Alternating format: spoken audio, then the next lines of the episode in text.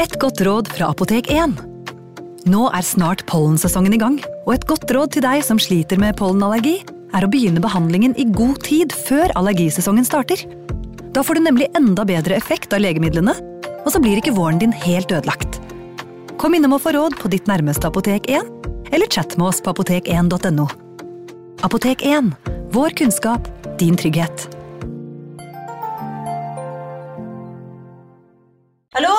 Jeg kommer fra Oslo politikammer. Ine Jansen er purk. Er du purk? The motherfucking bitch. Alt jeg vil, er å finne ut hva som skjedde med mannen min. Jon Carew. Er jeg sikta for noe? Iben Akeli. Det er du. Ole So, Lars Berrum og Big Daddy Karsten. Hvem sin side er du på, egentlig? Anette Hoff, Tone Danielsen, Kommer du fra Afrika? Jørnis Josef, Nesten. Kløfta. Trond Espen Seim, Det er synd å si det, men det var feil mann som døde. Purk. Premiere tirsdag på TV2 Play. Ungsamtalen fra DNB er økonomisk veiledning tilpasset deg som er ung. Bokk en ungsamtale på dnb.no. slash ung. Det er kjempebra hvis du skal inn på boligmarkedet, hvis det er drømmen din, liksom. Det er det du skulle sagt. Og så kunne du ropt litt mer, da, sånn som jeg gjorde. Bam! Advarsel. Denne podkasten inneholder skildringer av ekte drap og kriminalsaker som kan være støtende for enkelte. Det advares også mot sterke inntrykk i deler av episoden. Forsvinningssaker ender sjelden lykkelig. Et flertall blir aldri funnet igjen, eller dukker opp mishandlet, misbrukt eller døde. Tid er et viktig aspekt i forsvinninger, i hvert fall når man frykter at den savnede personen er kidnappet, tatt mot sin vilje. Bare de første døgnene minsker sjansen for å finne offeret i live. Når dagene blir til uker, er man stort sett redusert til å håpe på et mirakel. Historien om Sherry Papini skiller seg riktignok ut fra mange andre forsvinningssaker. Sherry forsvant plutselig i 2016 da hun var ute og jogget i skogen. Ukene gikk, og familien hennes kunne ikke gjøre annet enn å håpe og be om at de en dag ville bli gjenforent med Sherry. Ingen hadde ventet det som så skjedde. Like plutselig som hun forsvant, dukket Sherry opp igjen. Forslått og utsultet, fremdeles med kjetting rundt livet, ble hun observert mens hun skrek om hjelp til passerende biler. Men historien slutter ikke her. For hva var det egentlig som hendte med Sherry Papini i de tre ukene hun var forsvunnet? Sherrys egen forklaring er vag og lite detaljert, noe som ikke tilfredsstiller de tusenvis av menneskene som har latt seg engasjere av saken. Spørsmålet reiste seg om Sherry i det hele tatt var blitt kidnappet, eller om det hele var en bløff. Men hva ville fått en person til å lyve om å bli kidnappet? Velkommen til True Crime Podden.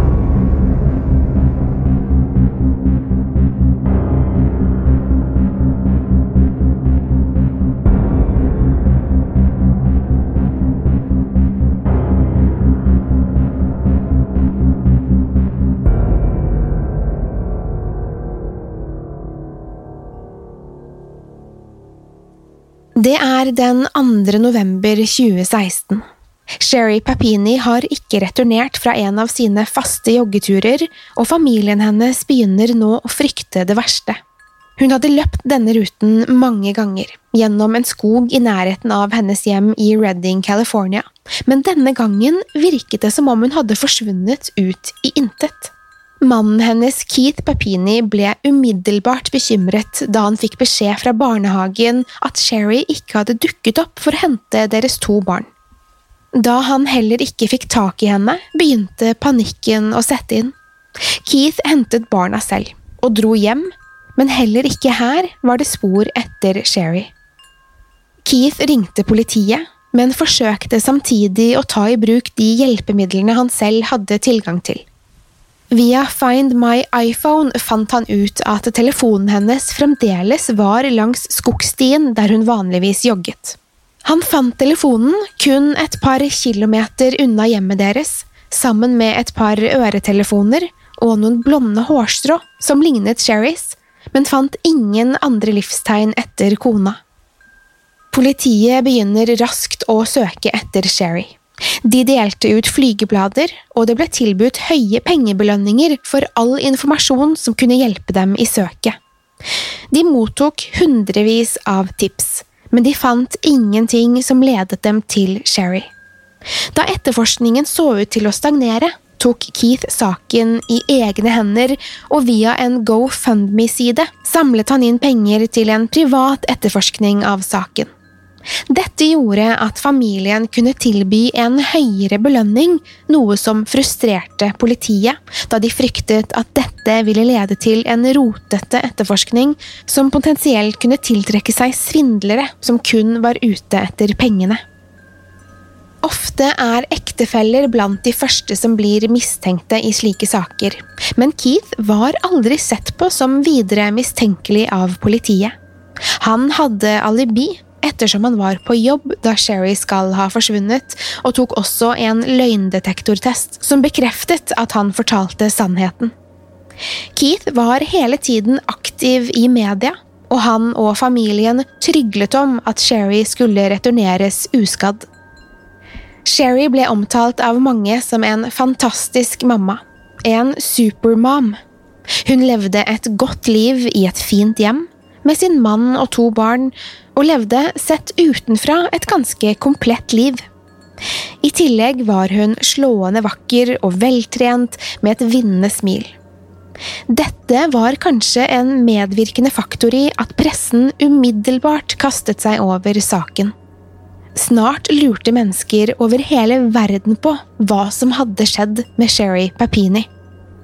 Teoriene om hva som hadde hendt med Sherry, begynte å hagle og varierte fra at hun hadde blitt drept etter å ufrivillig ha blitt vitne til en narkohandel, til at hun hadde blitt kidnappet, for å så bli solgt inn i et human trafficking-nettverk. Det var i det hele tatt få teorier som pekte mot en positiv slutt på denne historien. Men så, da alle var i ferd med å gi opp håpet om å finne Sherry i live, dukket hun plutselig opp igjen, ut av intet. Halv fem på natten ble Sherry funnet vandrende langs en riksvei milevis fra hvor hun hadde forsvunnet. Det var den 24. november, og Sherry hadde på dette tidspunktet vært forsvunnet i tre uker. Sherry var i live og etter forholdene i relativt god forfatning. Hun hadde hengsler rundt håndleddene og en kraftig kjetting rundt livet. Nesen hennes var brukket, og hun hadde tegn til fysisk mishandling. Kroppen var dekket av blåmerker, og på skulderen hadde noen påført et brennmerke, som politiet omtalte som en slags beskjed fra gjerningsmennene. Sherry hadde i løpet av de tre ukene gått kraftig ned i vekt. Hun var allerede slank da hun forsvant, men veide nå bare 40 kilo. I tillegg hadde noen klippet hennes lange hår til omtrent skulderlengde. Sherry ble plukket opp av politiet, og var i stand til å beskrive hva hun hadde opplevd, men det var begrenset hvor mye politiet fikk ut av dette. Hun fortalte at hun hadde blitt angrepet av to maskerte kvinner av latinamerikansk opprinnelse. Hun hadde fått en pose over hodet og blitt slengt i bagasjerommet på en bil, en mørk SUV. Sherry beskrev at hun hadde kjempet mot gjerningspersonene, og fortalte at dette hadde resultert i et stygt kutt på foten hennes, men det var ikke noe fysisk som tilsa det. Hun ble grundig undersøkt, men det var ingen tegn til arr eller legede sår der Sherry beskrev at skaden hadde inntruffet. Sherry kunne ikke huske mye av hva som hendte i løpet av de tre ukene hun hadde vært borte. Hun fortalte at hun hadde hørt krangling fra rommet hun ble holdt i, etterfulgt av en pistol som ble avfyrt. Hennes neste klare minne var at hun ble ført inn i bilen som hadde kjørt et godt stykke før hun ble dumpet langs veien, hvor hun så ble funnet mens hun panisk ropte etter hjelp. Sherry kunne heller ikke umiddelbart beskrive bilen eller kvinnene som hadde kidnappet henne i videre detalj. Hun hadde ingen idé om hvor de kunne ha brakt henne, og var heller ikke i stand til å minnes detaljer av rommet hun ble holdt fanget i. Sherrys manglende evne til å beskrive noe som helst av hva hun hadde opplevd, gjorde det nesten umulig for politiet å komme til noen konklusjoner i saken. De hadde ingen nye ledetråder om hva motivet for hennes bortføring kunne være. Ingen idé om hvor hun hadde blitt ført til, og ingen andre ledetråder om gjerningspersoner enn en generell beskrivelse av to maskerte kvinner. Det ble tatt DNA-analyser av partikler funnet på Sherrys kropp. Disse viste DNA fra én kvinne, men også fra én mann.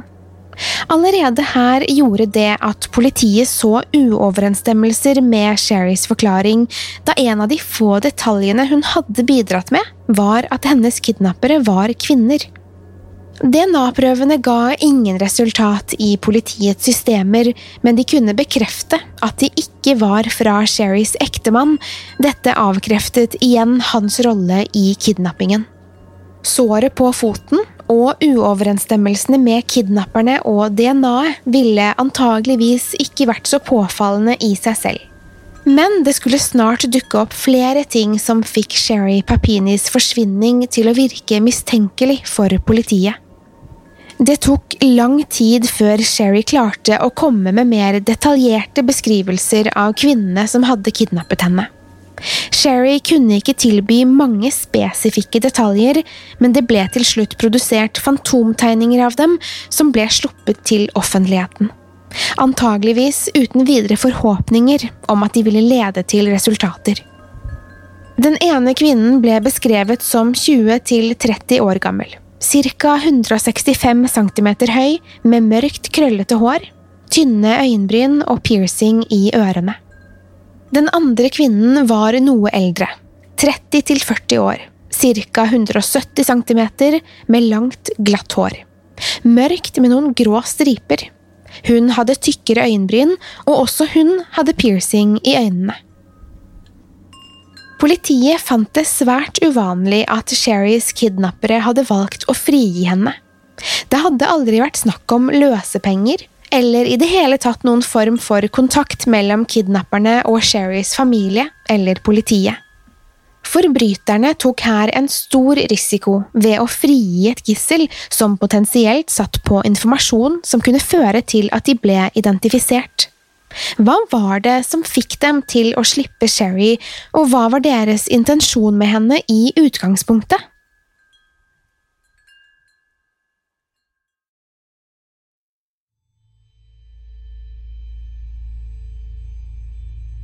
Sherry hadde ingen minner av å ha blitt seksuelt misbrukt, og det var heller ingen fysiske tegn til akkurat dette.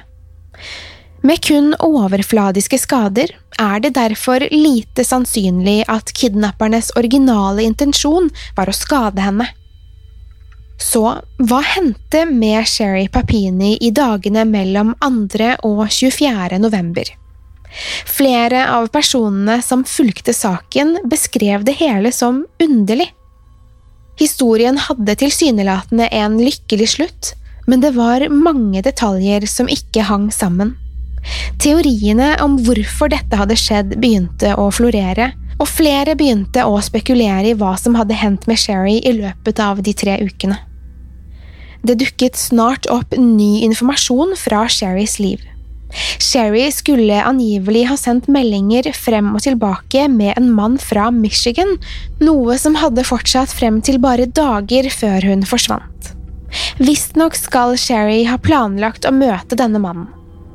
Det er riktignok uklart om dette var en romantisk relasjon, eller om innholdet i samtalen var noe helt annet. Denne mannen ble avhørt av politiet, men han ble raskt avvist som en mistenkt i saken. Heller ikke denne mannens DNA matchet med det mannlige DNA-et funnet på Sherry. Informasjonen om at Sherry pratet med en annen mann var likevel overraskende for mange, og avslørte en potensielt hemmelig side av Sherrys personlighet. Det ble også foreslått at Sherry hadde psykiske problemer i denne perioden. I seg selv er ikke dette så mye å henge seg på, men i konteksten av hennes forsvinning ble dette brukt for å sverte Sherrys kredibilitet. Disse detaljene ga ingen klare svar i saken, men det var nok til å skape et inntrykk av at det var mer til historien enn hva Sherry fortalte. Kanskje holdt hun tilbake informasjon ovenfor politiet. En rekke konspirasjonsteorier om hva som egentlig hendte med Sherry, begynte snart å florere på nett. En detalj mange har hengt seg opp i, er Sherrys hår, og at dette skal ha blitt klippet kort mens hun var i fangenskap. Likevel fortalte en av vitnene som observerte Sherry langs veien der hun ble funnet, at hun hadde sett en kvinne med langt blondt hår som desperat veivet med det som så ut som en T-skjorte. En av teoriene som raskt ble populære, var at Sherry hadde en affære, potensielt med mannen fra Michigan, og at hun planla å forlate Keith og familien for å starte et nytt liv. Teorien baserte seg på at Sherry så hadde angret seg, og istedenfor å innrømme sannheten, hadde hun heller diktet opp kidnappingshistorien for å slippe å konfronteres med at hun planla å forlate familien sin. Sherrys skader ble trukket inn i denne teorien. Det var primært Keith som uttalte seg offentlig om disse skadene, som han beskrev som svært omfattende. Likevel tilbrakte Sherry kun timer på sykehuset før hun ble skrevet ut, noe flere så som en mulighet for at Keith og Sherry overdrev alvorlighetsgraden av skadene. Mange mente at det ville være mer troverdig at disse skadene var selvpåførte, dersom de ikke var like omfattende som først beskrevet.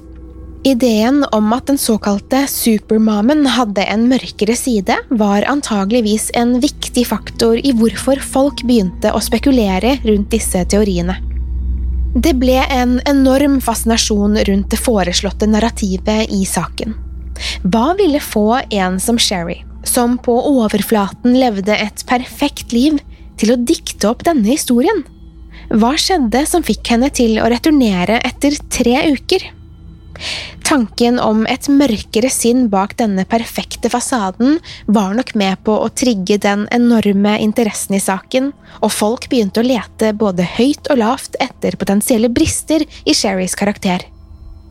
Ideen om at Sherry ville dikte opp en kidnapping, fikk uansett grobunn da det dukket opp en historie på nett som hintet om at Sherry hadde forsøkt å lyve om en lignende situasjon tilbake i 2006. Denne hendelsen blir referert til av mange nettsider, og refererer til en kilde i Sherrys familie.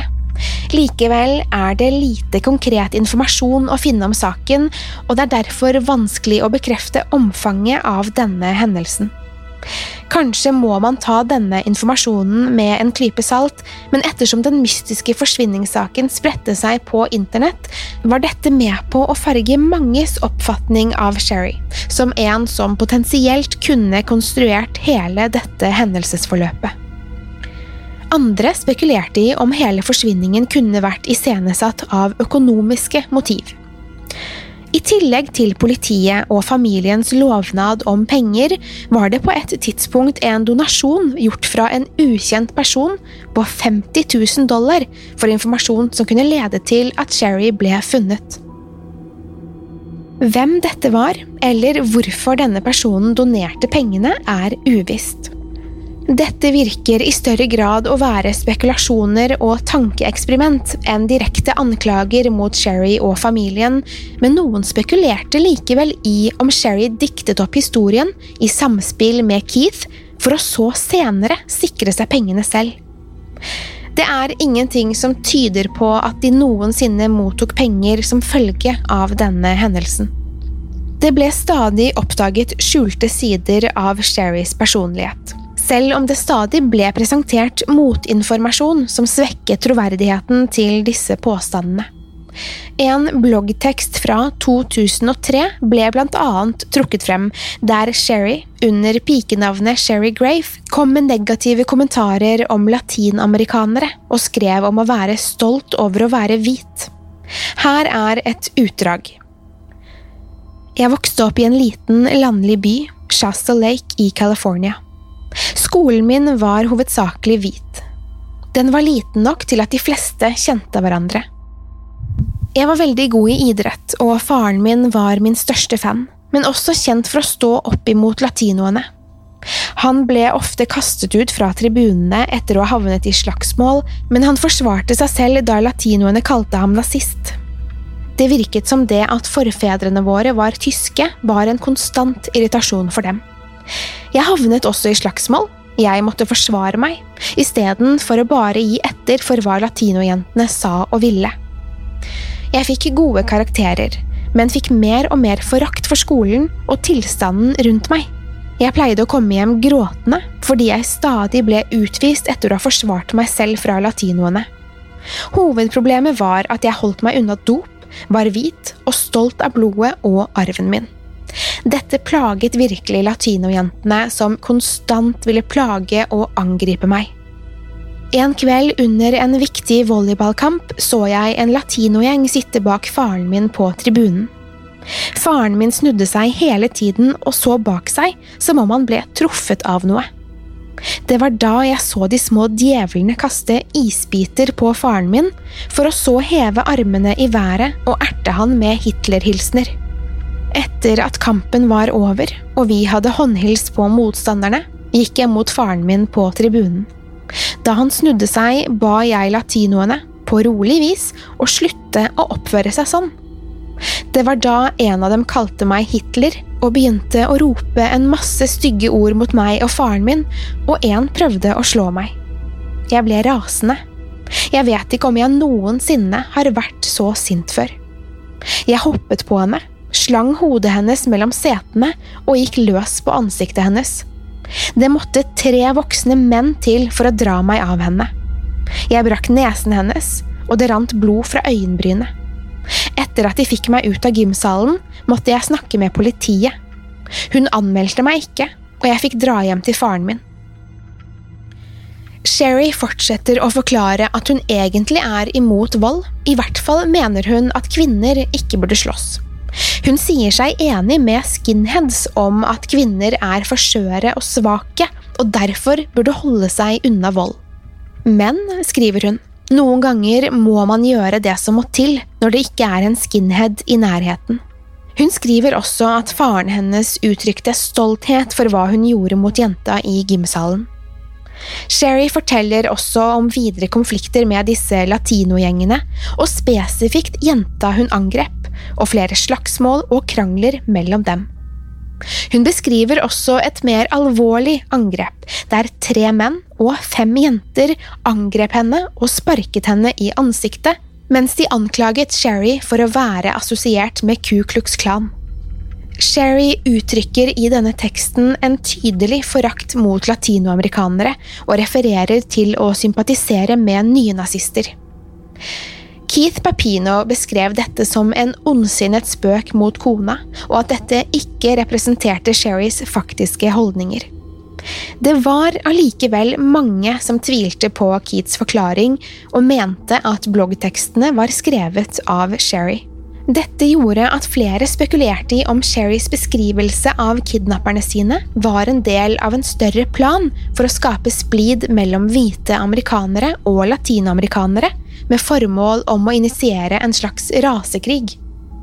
Også Sherrys eksmann David Dreyfus uttalte at teksten ikke var skrevet av henne, men av en av hennes fiender fra videregående. Han nektet også for at Sherry var rasist, og beskrev at hun jevnlig omgikk mennesker av alle slags bakgrunner. Men dette var ikke det eneste fra Sherrys fortid som ble brukt mot henne. Sherrys mor ringte nødnummeret i 2003 og beskrev at Sherry skadet seg og planla å skylde på moren for de selvpåførte skadene. Det finnes lite dokumentasjon fra denne perioden, og det er uvisst hva omfanget av disse skadene var, og hvorvidt hun faktisk planla å legge skylden på moren sin. Det dukket også opp historier om at Sherry kan ha vandalisert foreldrenes hjem, og potensielt også stjålet penger fra farens bankkonto. Ingen av disse hendelsene ledet til siktelser mot Sherry, men dette har likevel blitt brukt til å skape et bilde av Sherry som mentalt ustabil. Sherrys familie kommenterte disse sakene, og uttrykte forakt mot aviser som publiserte og forvrengte informasjon fra 16 år gamle hendelser i et forsøk på å skape sensasjonelle overskrifter. Brennmerket på Sherrys skulder fikk også mye oppmerksomhet. Ifølge politiet som etterforsket saken, var dette mer enn bare et merke eller symbol. Det lignet mer på en beskjed, men bokstavene skal ha vært vanskelige å tyde. Dette er kanskje den merkeligste detaljen i fortellingen om Sherry Papini, og et element som peker mot at historien hennes ikke er fullstendig fabrikkert. Det er lite trolig at Sherry ville påført dette merket selv, men hva var så formålet med dette brennmerket? Det er fremdeles ikke offentliggjort detaljer rundt hva den påståtte beskjeden forsøkte å kommunisere, så igjen er dette stort sett begrenset til spekulasjoner. En tidlig teori, som også ble støttet av etterforskere som jobbet med familien, var at Sherrys kidnapping kunne være tilknyttet meksikansk sexhandel. Privatetterforsker Bill Garcia fortalte at flere unge kvinner, til og med unge menn, var blitt tatt i det området. De ble så smuglet til Mexico, hvor de ble ofre for menneskehandel orkestrert av den meksikanske kartellen. Noen spekulerte i om brennmerket kunne være et slags symbol tilknyttet ofrene for dette systemet. En artikkel spekulerer i om Sherry, som knapt var 160 cm høy, slank med et ungdommelig utseende, ble feilaktig identifisert som betraktelig yngre enn det hun var av kidnapperne. Trafficking-nettverkene er stort sett ute etter yngre ofre, gjerne tenåringer, og 34 år gamle Sherry passet dermed ikke helt innenfor denne profilen. Denne teorien foreslår at Sherry ble sluppet fri da gjerningspersonene innså at det var en voksen tobarnsmor de hadde kidnappet, og at de derfor til slutt bestemte seg for å slippe henne fri. Det høres nesten uforståelig ut at jenter og unge kvinner kan bli kidnappet på denne måten, midt på lyse dagen. Men den stygge sannheten er dessverre at dette er langt fra sjelden. Redding og andre områder i California har høy forekomst av forsvinninger. Mange av disse ses i sammenheng med menneskehandel. Sherry Papini-saken var faktisk med på å generere ny interesse for eldre forsvinningssaker i området, og det ble funnet påfallende likheter mellom flere av disse. I 1998 forsvant 16 år gamle Terry Smith i området rundt Reading. Også hun skulle på en joggetur, som brakte henne gjennom en skog, men Terry returnerte aldri. I motsetning til Sherry Papini ble Terry aldri funnet. Det ble påpekt flere likheter mellom de to kvinnene, både fysiske, men også det faktum at de hadde gått på samme videregående skole.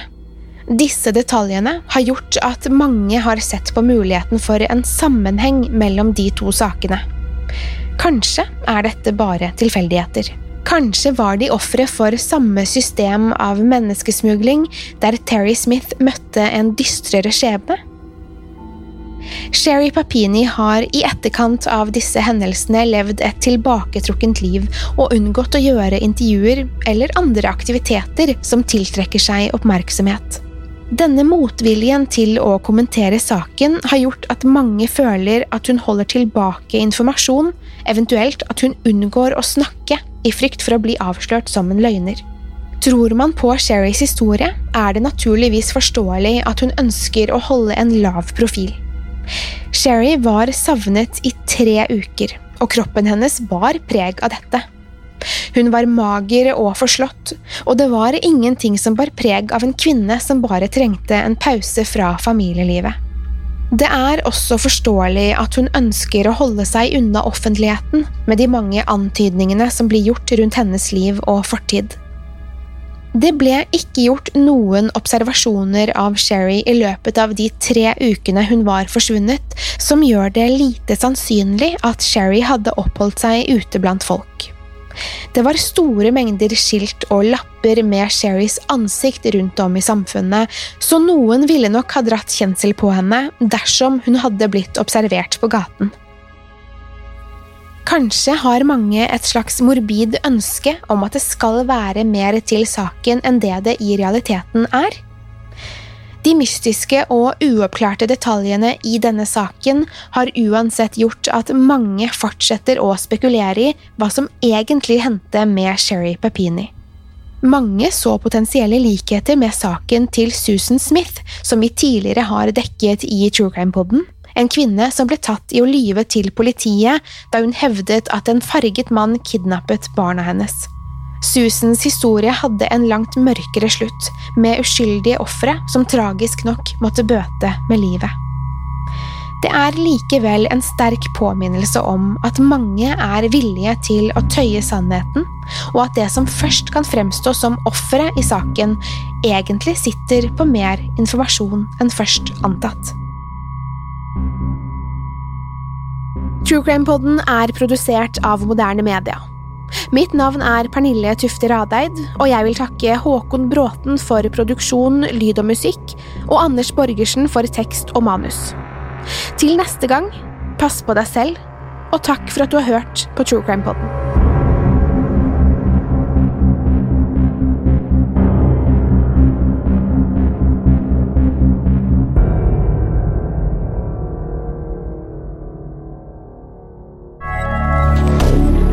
Moderne media.